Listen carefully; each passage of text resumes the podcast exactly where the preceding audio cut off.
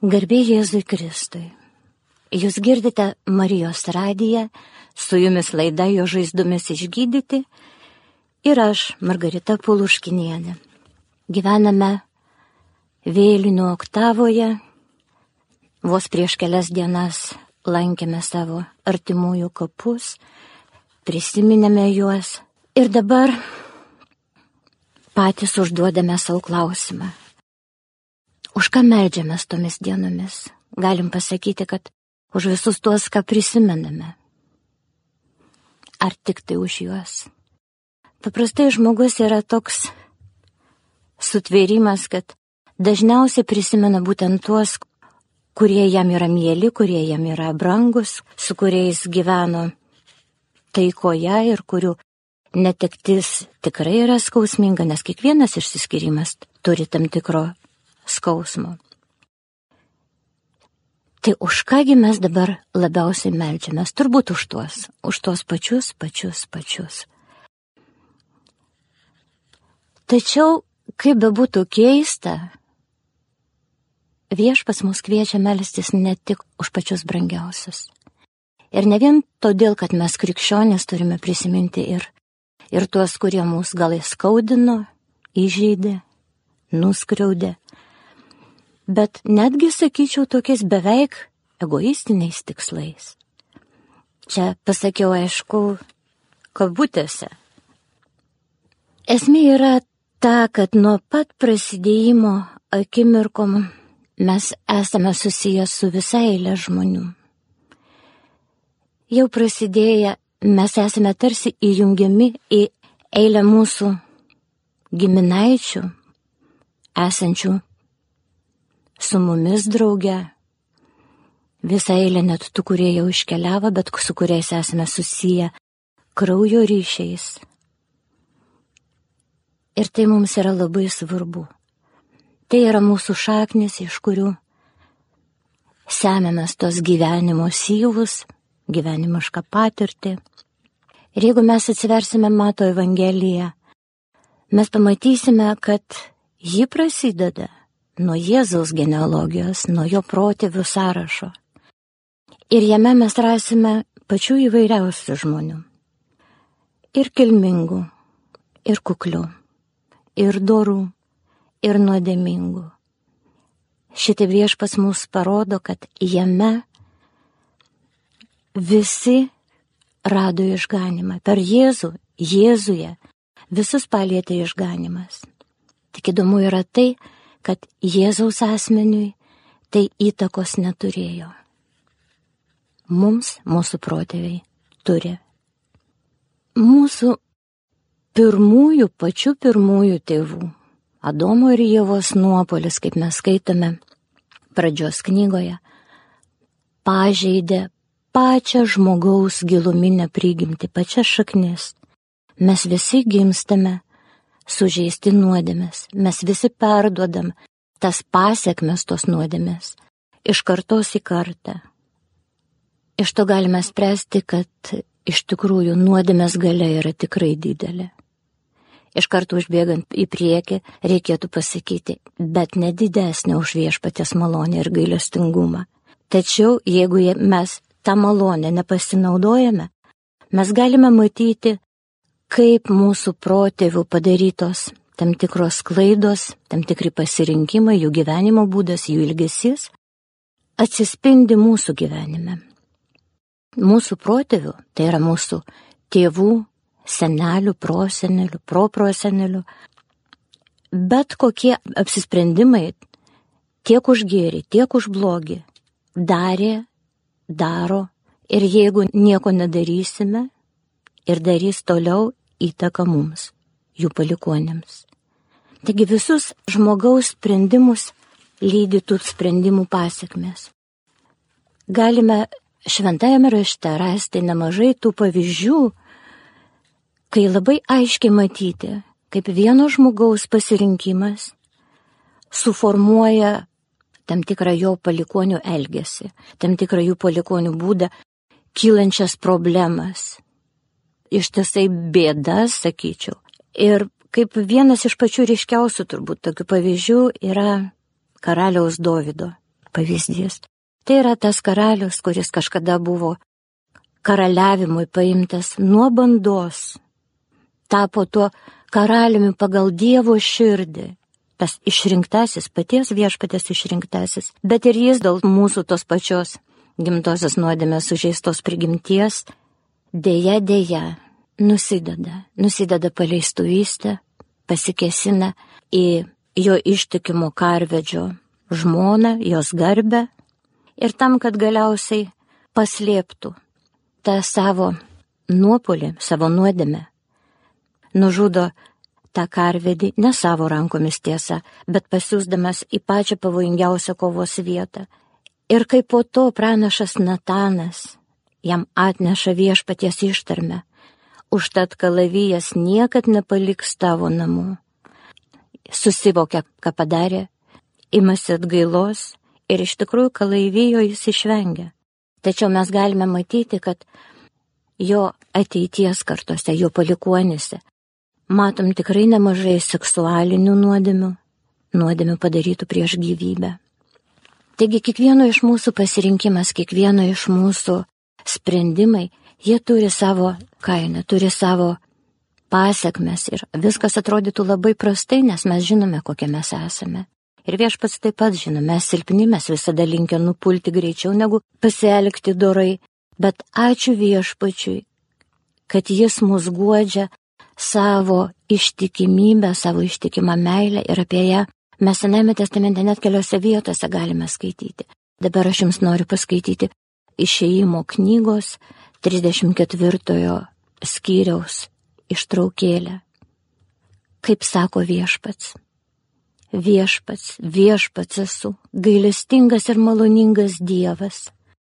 Lietas pykti, gausus gerumo ir ištikimybės, lydintis gerumu lik tūkstantosios kartos, atleidžiantis kaltę, nusižengimą ir nuodėmę, tačiau nepaliekantis kaltųjų be bausmės bet baudžiantis už tėvų kaltę, vaikus ir vaikų vaikus, lik trečios ir ketvirtos kartos.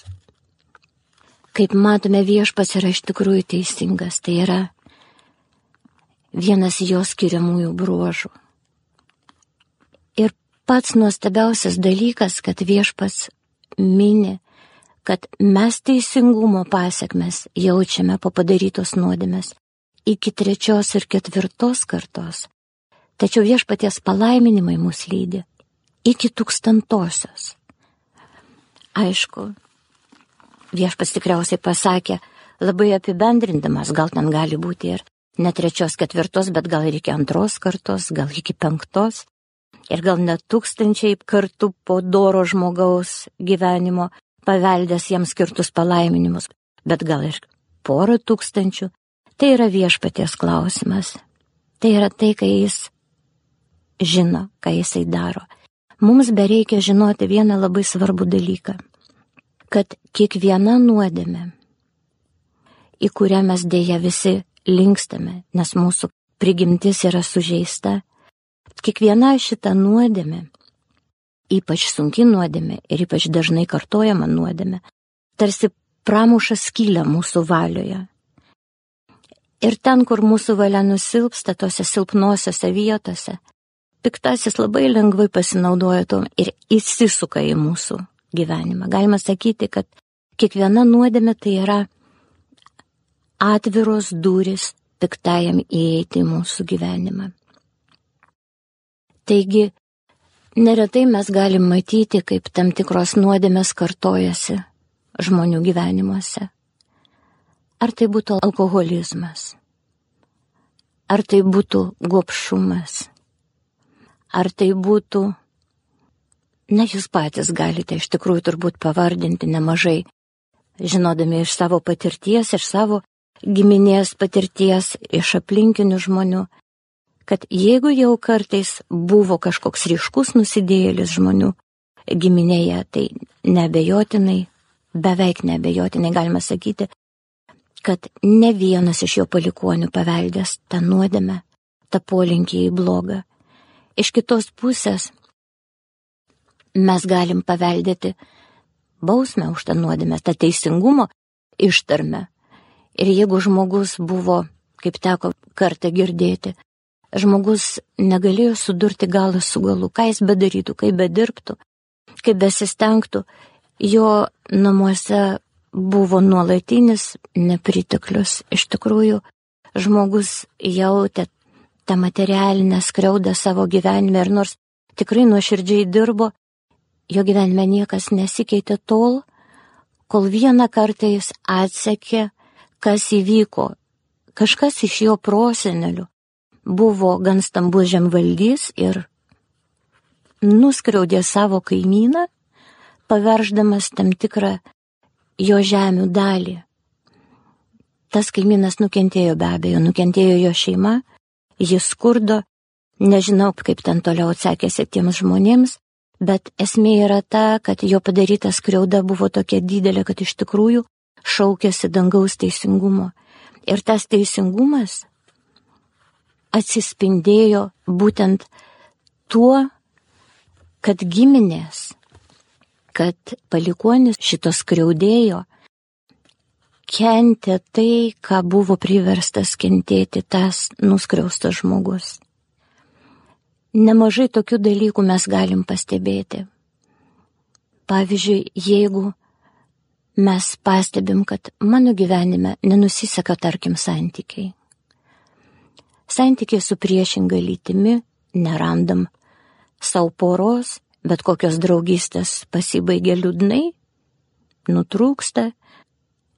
Kartais pasidomėjus savo praeitimi, savo protėvių praeitimi, mes galime pamatyti, kad jų praeitie buvo paleistuvystės atveju. Ir ne tik, bet kokių seksualinių nuodėmių, kurios toliau jau mums nebeleidžia, net nelabai suprantantiems, kas vyksta, neleidžia mums mėgsti dorus tyrus, viešpaties palaimintus santykius, nes ant tos mūsų žaizdos padarytos uždėta tarsi piktojo letina Ir jisai tikrai nepraleis progos pakengti žmogui, nes tai yra tarsi jo gyvenimo prasme, jeigu taip galima būtų pasakyti.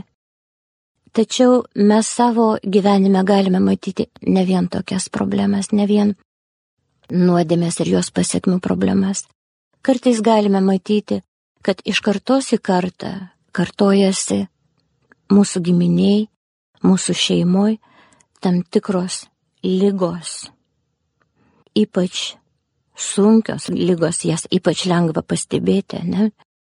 Nepagydomos lygos, kartais žeminančios lygos, apie kurias nesinori kalbėti, nesinori jų paviešinti.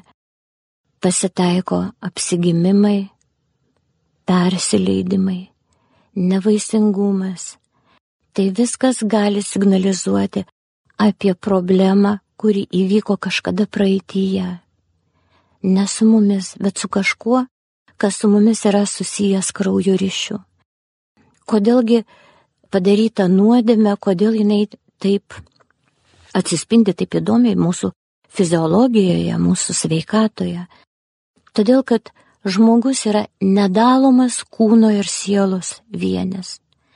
Jau kai atsidalo kūnas nuo sielos, tai mes matome, mes tą kūną lankome dabar, va šiomis dienomis lankome kapuose, tuos kūnus.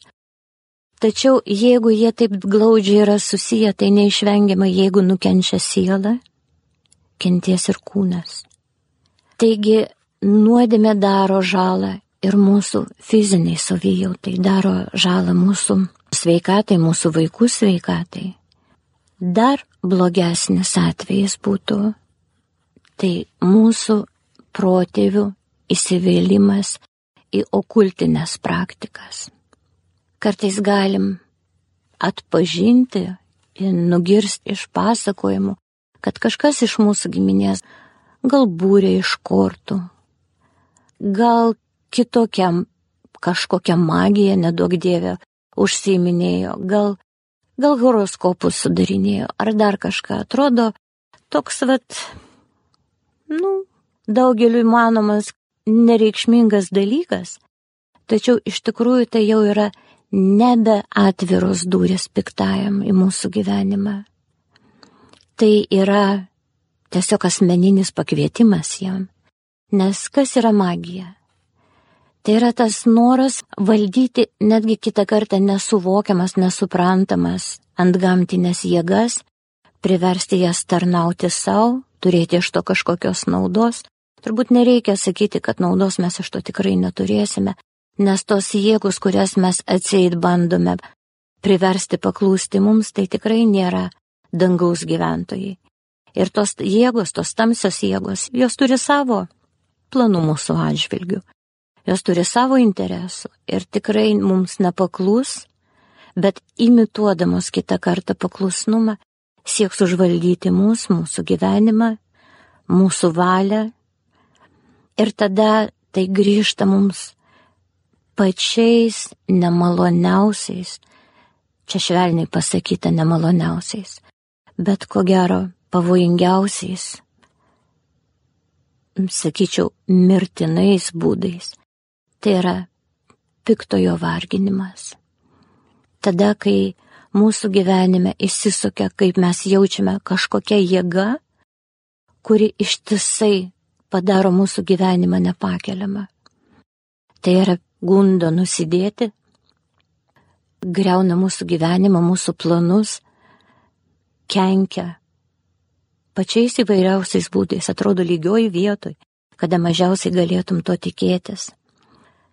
Tai gali būti netgi apsėdimai, kai mūsų valia visiškai piktojo užgrobiama ir jisai per mus veikia mūsų aplinką, mūsų artimuosius, visus tuos, su, su kuriais mes turime kažką bendro, su kuo esame gyvenime susijęti.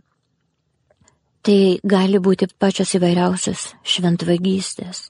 Tai yra bedievystės nuodėmė. Tiesiog galime matyti, kad tam tikroji giminiai sakoma, nu šitie tai tikrai yra bedieviai. Nerasti nei ne tai, kad pamaldau žmogaus, bet, bet nerasi žmogaus, kuris pripažintų, kad yra aukštesnioji meilė, kad yra Dievas, kad viskas yra iš jo rankų išėję ir tas rankas sugrįžta. Gali būti giminiai pačios įvairiausios nelaimės. Tiesiog persekiojo nelaimės ir mes nežinome, kas yra tų nelaimių priežastis, nes atrodo, nu, vat, niekas dėl to nekaltas, tiesiog įvyko nelaimė. Nu, vat, sutapimas toks. Tačiau gerai pasidomėjus, pasigilinus, nėra tokio dalyko kaip sutapimai. Iš tikrųjų, viskas gyvenime vyksta dėsningai, viskas vyksta taip, kaip mes leidžiame, kad tas įvyktų. Jeigu mes renkamės gėrį, mūsų gyvenimą lydi viešpatės palaiminimai. Jeigu mes renkamės blogį, blogis įsisuka į mūsų gyvenimą, susisuka jame lizdą ir daro tai, kas reikalinga jam. Taigi gali kartotis savižudybės arba žmogžudystės. Nes kaip Dievas yra gyvybės kūrėjas, mes žinome šventą raštą, kad kai kuris sako, kad Dievas mirties nesukūrė. Dievas nenori nusidėjėlio mirties. Mirtis atėjo su nuodėme, mirtis atėjo su piktuoju. Ir jeigu mūsų giminėje, mūsų šeimoje kartojasi dažnos mirtis, kartais tragiškos mirtis, jeigu kartojasi savižudybės, jeigu žmonės išgyvena tą pagundą pasitraukti iš gyvenimo, galime iš karto sakyti, kad kažkas yra, kažkur buvo atvertos duris piktajam, kad jis pro jas įsliūkintų į mūsų gyvenimą ir kesintųsi atimti gyvybę. Pagrindinis piktojo kėslas iš tikrųjų - atimti iš mūsų amžinai gyvenimą. Ta gyvenimą viešpaties artumoje, jo šviesoje, jo meilėje, jo tiesoje piktasis šito negali pakesti ir jo pagrindinis siekis yra sunaikinti žmogų amžinai. Tačiau jeigu jam tai nepasiseka, jis bent jau fiziškai stengiasi žmogų sunaikinti. O kadangi mes žinom, kad kartais mes esame nelabai jautrus savo dvasiniam gyvenimui, čia aš taip stengiuosi jau korektiškai pasakyti, ir per daug nekreipiam dėmesio. nei savo sielos švara, nei savo Dievo pažinimu, nei bičiulystę su juo, tai galima spėti, kad tokios netikėtos, tragiškos mirties metu mes būname visiškai nepasiruošę ateimui į viešpatės akivaizdą. Ir štai piktojo tikslas yra pasiektas. Žmogus yra pražuvęs amžinai. Ačiū viešpačiui, kad jis gerai pažįsta mūsų širdis ir žino, kad ne visada mes tik tai esame kalti patys dėl to, kad kartais tai yra būtent mūsų artimųjų, mūsų protėvių paveldėtos problemos, nuodėmių pasiekmes. Jos mus pastumėjo priimti vienokį ar kitokį sprendimą. Ir tikrai mes nežinome viešpatės gailestingumo mato. Mes nežinome, ką viešpas pagal ką sprendžia, kas nulėmė tą buvimą jo artumoje. Mes žmonės dažnai viešpatį įsivaizduojame pagal save. Tiesiog priskiriam jam žmogiškuosius bruožus ir kaip patys linkę ne pasigailėti žmogaus, neatleisti jam, nepasiskubiname suprasti, kodėl jis vienai par kitaip pasielgiam. Tai mes įsivaizduojame, kad ir viešpas lygiai taip pat jam nesvarbu, vad padarėjai kažką, viskas. Būsi nubaustas ir tom viskas baigsis. Tačiau viešpats yra tas, kuris žvelgia žmogaus širdį. Labai labai giliai žmogaus širdį žino visas priežastis ir patikėkite, Dievas yra tas, kuris pirmiausiai skuba, kaip mes ir skaitėme prieš tai, skuba pateisinti žmogų, surasti tas priežastis, mūsų nupolimų priežastis, mūsų blogų pasirinkimų priežastis. Ir tik tada, kai jau tikrai šimtų procentų laisva valia padarom vieną ar kitą nuodėmę, tik tada viešpatės teisingumas ima viršų. Ačiū viešpačiui, kad tikrai, kad jo gailestingumas yra daug didesnis negu mūsų gailestingumas, negu mūsų supratimas apie gailestingumą. Ir mes dabar galėtume iškelti tokį klausimą. Tai jeigu viešpas, žinodamas mūsų silpnumą, žinodamas tas visas priežastis, kurios verčia mus vienai par kitai pasielgti, jeigu jis baudžia tik tai iki trečios ir ketvirtos kartos ir viskas. Prisiminkime, o palaiminimai iki tūkstantosios siekia. Tai gal jau turėtume visi ir nebekentėti, gal turėtų viskas būti gerai? Nu va, prieš mane buvusi ten ta trečia, ketvirta karta atkentėjo ir viskas. Dabar jau esu laisvas, laisva nuo Dievo teisingumo ištarmės.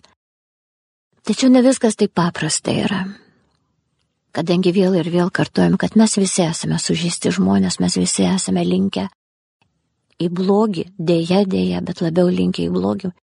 Tiesiog būkime teisingi. Prisiminkim, kaip lengvai mes padarome vienokį ar kitokį nusižengimą, kaip atsainiai net nesusimastydami ir kiek kartais mums reikia pastangų, valios pastangų, tam, kad padarytume gerą, kad iš tiesų atskirtume kas yra gera, kas yra bloga. Taigi bėda yra ta, kad dažnai turėdami savyje, savo gyvenime, savo valioje tas silpnas vietas, per kurias piktasis mus pasiekia, mes pasiduodam tai pagundai ir taip pat nusidedam. Ir ką tai reiškia?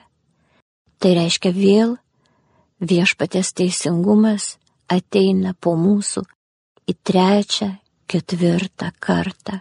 Vėl ratas užsisuka iš naujo. Pagalvojus apie tai atrodo, kad nuprasti mūsų popieriai. Iš tikrųjų yra sunku. Nuolat nusidedam, nuolat nešame mūsų protėvių kalties pasiekmes, ne visada suprasdami, o ir suprasdami tai, ką dabar su to daryti. Ačiū viešpačiu, kad jis mus tikrai be ginklių niekada nepalieka. Ir pats didžiausias ginklas yra, tai yra jis pats. Pats didžiausias skydas nuo priešo smūgių, tai yra Jėzaus krūtinė. Krūtinė, kuri pridengė mus ant kryžiaus. Jis prisėmė savo didžiąją dalį, netgi galime sakyti, visus tos smūgius, kuris piktasis skiria mums. Todėl pirmas dalykas, kur turėtume bėgti tokiu atveju, tai yra malda. Ir malda ne vien tam tikrų maldų sukalbėjimas, bet visų pirma malda suprantama plačiai kaip pokalbis su viešpačiu, kaip atvira širdis jam. Ir pati galingiausia malda, kokia tik tai gali būti pasaulyje, tikriausiai jūs jau ir patys nujaučiate, kad tai yra Jėzaus aukos, jo kraujo pralieto už mūsų malda. Tai yra kaina už mūsų nuodėmės. Ir jau suprantame, kad kalbame apie šventasis mišes ir komuniją kaip vienybę su Jėzumi. Kai mes esame kartu su Jėzumi, mes esame nenugalimi. Jėzus yra tas mūsų skydas, mūsų jėga, mūsų ginklas ir iš tikrųjų mūsų gyvybės garantas, mūsų gyvybės davėjas. Labai naudinga yra, labai naudinga ir tiesiog būtina yra užsakyti mišes už savo protėvius ir ne vien už tuos, kurie mums yra brangus, kurie daug gero yra padarę, bet ypatingai pasistengti prisiminti tuos, kurie mums gal pakenkė, kurie nuskriaudė, kurie įskaudino, gal mus pačius, gal mūsų šeimos narius ir ypatingai melstis už juos. Yra įdomus dalykas, kad tada, kai mes melžiamės labai tikslingai, Tai yra tiksliai įvardindami problemos šaknį, priežastį. Malda kažkokiu slėpiningų būdų ji atneša greičiau vaisių ir daug ryškesnių vaisių, negu kad mes bendrais žodžiais, taip apskritai melstumėt. Ne vien tik tai pasakom, kad nu va čia už mūsų prosenelius, bet ypatingai už prosenelius, kurie nusidėjo tokią, tokią nuodėmę konkrečiai atneštume į viešpatės akivaizdą. Deja, ne visada yra įmanoma atsekti tą priežastį, tas šaknis. Kartais padeda išsiklausinėti savo artimuosius, savo giminės, kaip gyveno mūsų protėviai, seneliai, proseneliai. Analizė, kaip gyveno mūsų tėveliai. Ir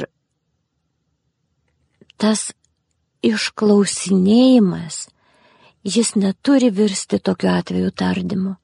Jis neturi virsti siekiu surasti kaltininką ir jį apkaltinti. Atvirkščiai, tai turi būti daroma su ypatinga meile, su ypatingu jautrumu, nes nepamirškim, kad mes klausinėjom vyresnių žmonių, kuriems skaudu, kada jaunesnėji tarsi ieško kalčių kažkokios neteisybės jų gyvenime. Todėl būkime labai taktiški, labai delikatus ir niekada nepradėkime tokio klausinėjimo be maldos, be viešpaties pagalbos.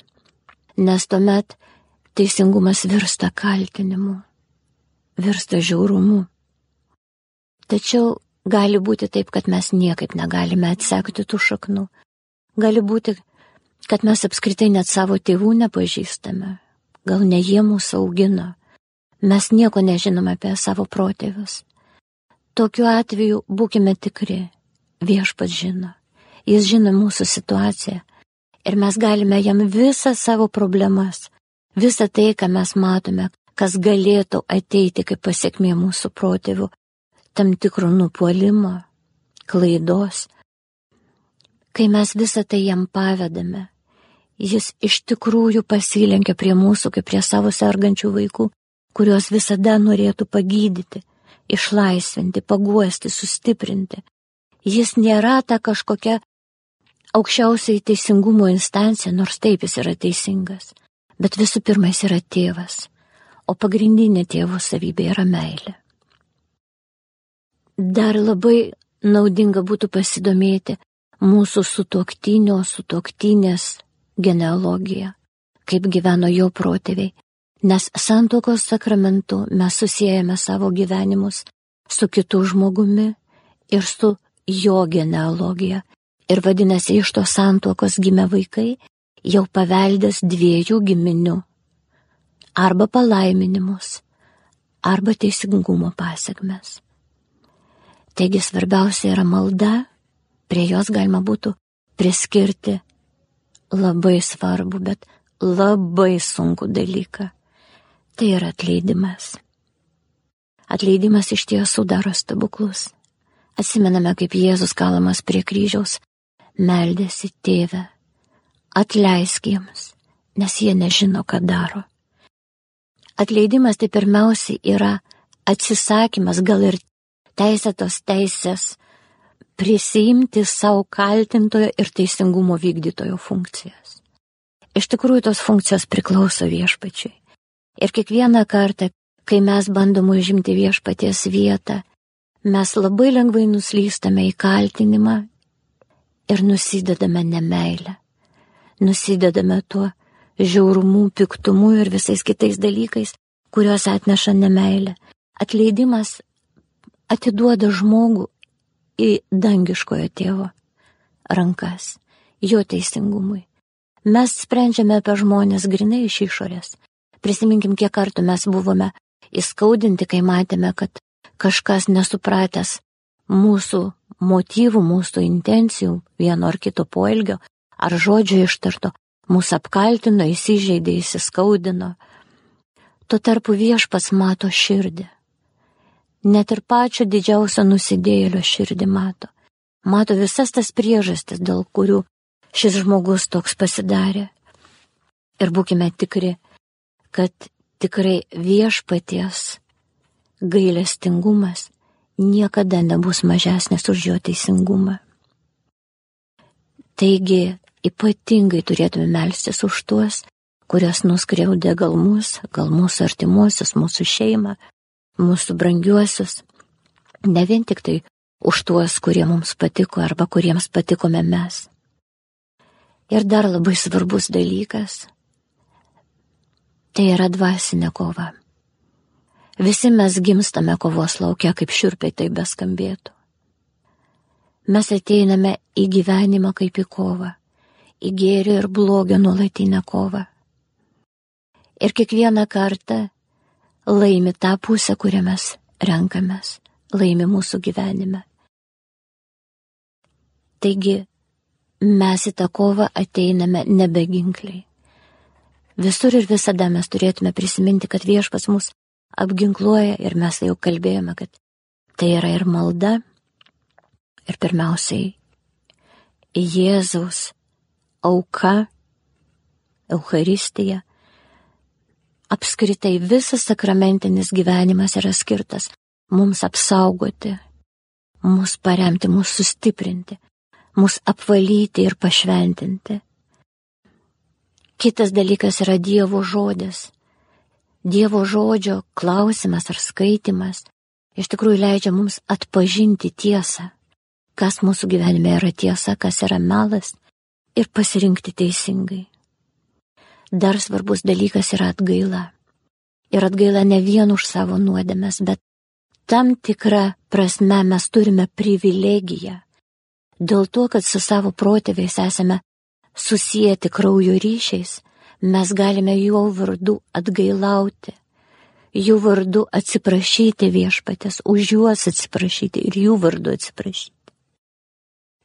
Prašyti viešpatės atleidimo ir jis yra tikrai tas, kuris visada palinksta prie susigraudinusios širdies. Dar vienas labai svarbus dalykas - toje kovoje nelikti vieniems. Yra geras posakis, kad vienišas krikščionis yra delikatesis piktajam. Po vienais mus greitai išgaudo, išgaudo ir daro tai, ką jis nori su mumis daryti. Tam viešpats ir įsteigia bažnyčią. Tam yra mūsų bendruomenės, maldos grupelės. Bet koks krikščionių susivienimas, kuris palaiko vienas kitą. Net ir Jėzus, prisiminkime savo mokinius siuntė į misijas, į pasaulį, ne po vieną jokių būdų, bet bent po du kai vienas suklumpa, kitas prilaiko pakelia. Taigi bendruomenė yra ta, kuri padeda mums mūsų kelionėje. Ir labai svarbus dalykas. Mes turim vieną kartą savo gyvenime apsispręsti. Mes taip pat perduodame tam tikrą palikimą jaunesnioms kartoms. Susimastykime, kokį palikimą, ką mes skiriame, ką paliekame po savęs, ką paveldės mūsų palikonis, palaiminimus ar atviras duris piktajam įeiti jų gyvenimą. Ir mes turime viešpaties mums suteiktą galę apsispręsti.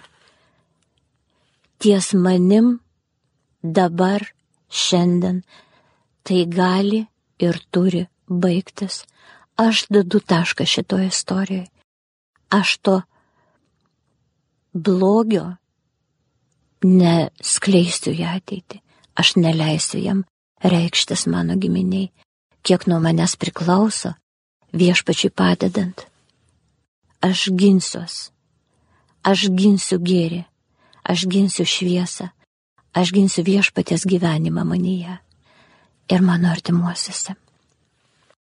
Ir todėl dabar prašykime viešpaties tos ypatingos malonės neapleisti mūsų šitoje kovoje.